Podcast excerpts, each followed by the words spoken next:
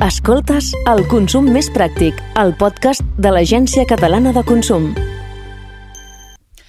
Una setmana més volem parlar de consum a Ràdio Ciutat de Tarragona i com sempre gràcies al suport, a l'ajuda i a la professionalitat de l'Agència Catalana del Consum fent aquest espai que es diu el consum més pràctic. Enguany el govern de la Generalitat i el Ministeri de Consum han renovat els convenis que permeten donar continuïtat a les juntes arbitrals de consum de Catalunya, que recordem són organismes públics que permeten resoldre de manera extrajudicial i gratuïta les reclamacions dels consumidors catalans. I per poder parlar d'aquest tema avui, una setmana més, eh, contem justament amb la cap de la secció de consum a Tarragona, de l'Agència Catalana del Consum, que és la Judit Pujol, per tal de parlar de l'arbitratge de consum i també de la tasca que duen a terme les juntes arbitrals. Judit, molt bon dia, com estàs? Bon dia, Sílvia. Temes sempre interessants que, evidentment, en algun moment o altre ens poden fer molta falta i val la pena que estiguem atents. Per començar, què implica la renovació d'aquests convenis? Doncs mira, des del de, mes d'abril d'aquest any la, el govern ja va autoritzar la signatura del conveni de cooperació entre mm. l'Agència Catalana del Consum i el Ministeri de Consumo per tal de, eh, de que la, la Junta Arbitral de, de Catalunya continuï exercint la seva activitat que, de fet, fa doncs, des del 93 que l'està exercint. És a dir, la Junta Arbitral, que depèn de l'Agència Catalana del Consum, és la que tramita i gestiona uh mhm. -huh. totes les reclamacions dels ciutadans arreu de tot Catalunya, a través de l'arbitratge, de la mediació, i també és aquest mes de juny sí. que eh, la, hi ha alguns ajuntaments que també tenen junta arbitral que també han signat aquest conveni, com són, eh, si, no sé si me'n deixaré algun, però són Barcelona, Badalona, eh, l'Hospitalet de Llobregat, Vilafranca del Penedès, Sabadell, Terrassa i Lleida. Aquests ajuntaments tenen la seva pròpia eh, Junta Arbitral de Consum. Uh mhm. -huh. És a dir, la signatura d'aquest conveni era, era un tràmit necessari per poder continuar amb la nostra activitat. Uh mhm. -huh. Per tant, podríem dir que hi ha una aposta clara i decidida per part del govern de la Generalitat per l'arbitratge no? de, de consum, Judit? Sí, sí, bueno, és que de fet, bueno, com t'he dit ara, des del 93 que, que tenim Junta Arbitral de Consum a Catalunya, i, i estem apostant per unes solucions extrajudicials a, a través de la mediació, de l'arbitratge, per poder solucionar problemes que, que presentin els ciutadans amb la compra de productes, amb uh -huh. la contractació de serveis. Si no erro, eh, aquí a la Junta Arbitral de Catalunya, des de que està constituïda s'han resolt uns 74.000 casos per uh -huh. l'au arbitral i després, en quant a anar agafant empreses i que es vagin adherint a, a, la, a la Junta, em sembla que ara mateix en tenim unes 8.000, uns 8.700 establiments. Uh -huh.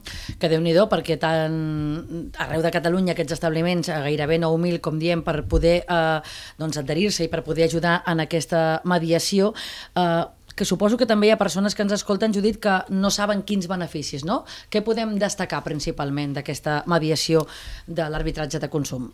Doncs mira, a grans trets, el més important és que es tracten eh, de vies que són extrajudicials, no Molt tenim bé. que anar al jutjat. Uh -huh. eh, són totalment imparcials, són ràpides i senzilles, això és molt important, no? un tràmit així ràpid per resoldre petits problemes, i després són gratuïts i són voluntaris. Molt bé. Vull dir, tot això són eh, aspectes i característiques molt importants. Després, eh, bueno, està pensat més, més aviat per resoldre problemes de, de petita quantia, no? perquè, clar, si tu tens un problema i estem parlant de, de pocs diners, no te n'aniràs a la via judicial. Exacte, I sí. què passarà? Que el més normal és que desisteixis i, mira, t'aguantis i, i no facis res, no? Però nosaltres donem aquesta possibilitat de que puguis venir i intentar resoldre aquest, aquest conflicte que et pugui haver originat doncs, la compra d'un producte o la contractació d'un servei. Uh mhm. -huh. I a més clar, hem de pensar que no necessitem advocat, no necessitem procurador, eh, com ja he dit, és gratuït, uh mhm. -huh. eh, si no surt bé mai ens penalitzaran amb costes, clar, té una sèrie de, de uh mhm. -huh. beneficis. Has dit gratuït, has dit ràpid i has dit voluntaris. A què et refereixes amb això exactament? Sí, doncs que la mediació és... Eh, hi ha un mediador que intenta que les dues parts arribin a un acord. Però clar, eh, és voluntari per les parts, han de voler arribar a aquest acord. Perfecte. Nosaltres no podem forçar una empresa a que s'adhereixi a la Junta Arbitral o a que solucioni un conflicte si no el vol solucionar. El que fem uh -huh. nosaltres és donar les eines per poder arribar a un acord. Clar, com no podem forçar, el que estem fent és intentar fer una tasca de foment, de donar a conèixer aquestes vies de resolució que tenen les empreses i els consumidors i de que les empreses es donguin compte de les avantatges que tenen si s'adhereixen a, a la Junta Arbitral. Mm. I pel que fa a l'empresa, perquè entenem que l'usuari sí que busca, evidentment, eh, un, treure un benefici no? d'aquella reclamació i d'aquesta mediació, però quin benefici pot obtenir l'empresa, doncs? si ho fa, si accepta doncs, aquesta mediació. Sí, mira, es tracta, com ja he dit abans, de eh, procediments totalment imparcials. Aquí ningú pren part. Aquí uh mhm. -huh. s'intenta arribar a un acord i, i per tant això ha de quedar molt clar, que hi ha una imparcialitat per part de, de la Generalitat.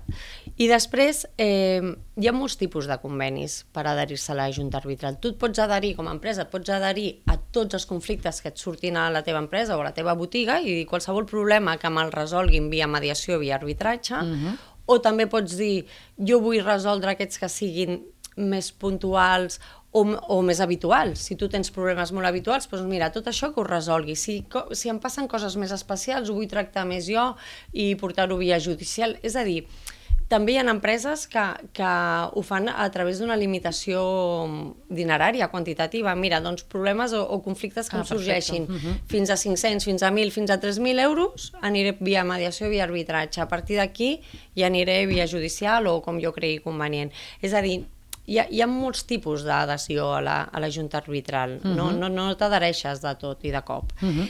I per mi el que és més important de tots és eh, la, la, el generar una confiança i, i una fidelització de la clientela, perquè si tu tens un problema amb una botiga i el pots arribar a resoldre via mediació o, o via arbitratge, tu no tindràs cap reparo en tornar a aquella botiga i tornar a comprar o, to o uh -huh. tornar a consumir, no? o inclús eh, si jo estic dubtant entre comprar un producte en una botiga i en una altra sí. i aquesta veig que té el logo de la Junta Arbitral perquè està adherida i em dona vies de, extrajudicials de, de resolució de conflicte, doncs entre una i l'altra jo triaré aquesta per Clar. anar a comprar, no? perquè m'està oferint... Uh -huh. mm, és com un plus, no? Que Clar, té la botiga, a més sí. de comprar, saps que té una garantia que eh, forma part de la Junta Arbitral, per tant, pots acudir en cas de qualsevol problema, Exacte. no? És un extra.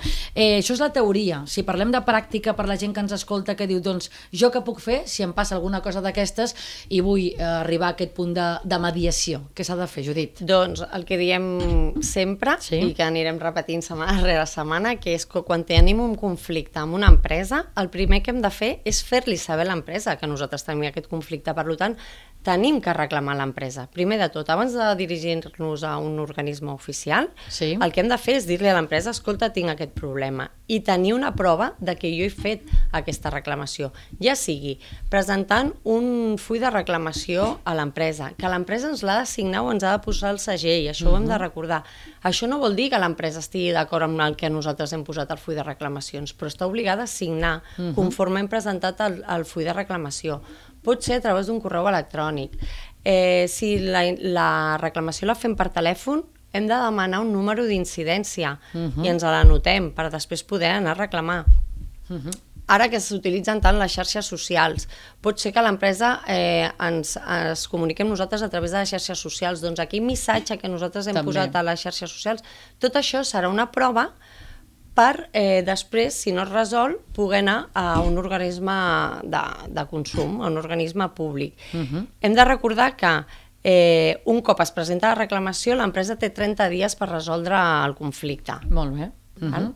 En cas que sigui negatiu i l'empresa no resolgui, el següent pas ja seria que Consum intervé o quin, quin passaria, Judit? Sí, quan han passat aquests 30 dies i l'empresa no ens ha respost sí. o el que ens ha respost no ens satisfà, llavors sí que eh, hem complert tots els passos per poder anar a un organisme públic de consum, ja sigui del municipi, si és que n'hi ha al nostre municipi, que ja ho vam dir, eh, em sembla que l'última vegada que aquí a Tarragona eh, d'organisme públic de consum està a Salou, a Cambrils i, i aquí a Tarragona. Uh mhm. -huh. eh, o també podem anar al Consell Comarcal o si no poden anar a la, a la seu de, de l'Agència Catalana de Consum. Llavors ens presenten la reclamació i nosaltres aquí començarem la mediació, uh -huh. que com t'he dit abans, voluntarietat per les parts, arriba amb, un, amb una solució al conflicte. I si no s'arriba a una solució al conflicte i l'empresa està adherida a la Junta Arbitral de Consum, farem com una, com una espècie de, de, de judici, uh -huh. on hi ha un àrbitre, que seria com un jutge, i on s'acabarà eh, amb un laud arbitral, que seria com una sentència, i allà es posarà la resolució definitiva uh -huh. al, al conflicte. Si més no, jo crec que moltes vegades ens, ens manca aquesta informació, i no ho dic per part vostra, sinó per part que, com a consumidors, a vegades ens quedem, oh, no sé, no? he fet una compra, no m'ha anat bé, i ens quedem amb això, o no volem buscar problemes. I la mediació no és cap problema, és senzillament buscar arribar a un punt en comú, a un acord i que les dues parts arribin a una solució de bones maneres, no? Exacte, per tant, es sí, pot sí. utilitzar sense cap problema. Sense cap problema. Ni que hi hagi conflicte.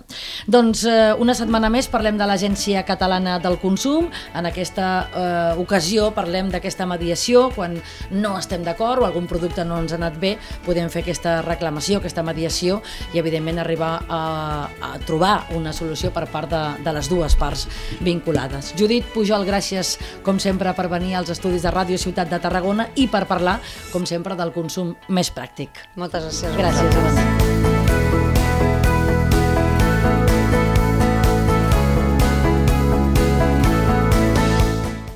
Escoltes El consum més pràctic, el podcast de l'Agència Catalana de Consum.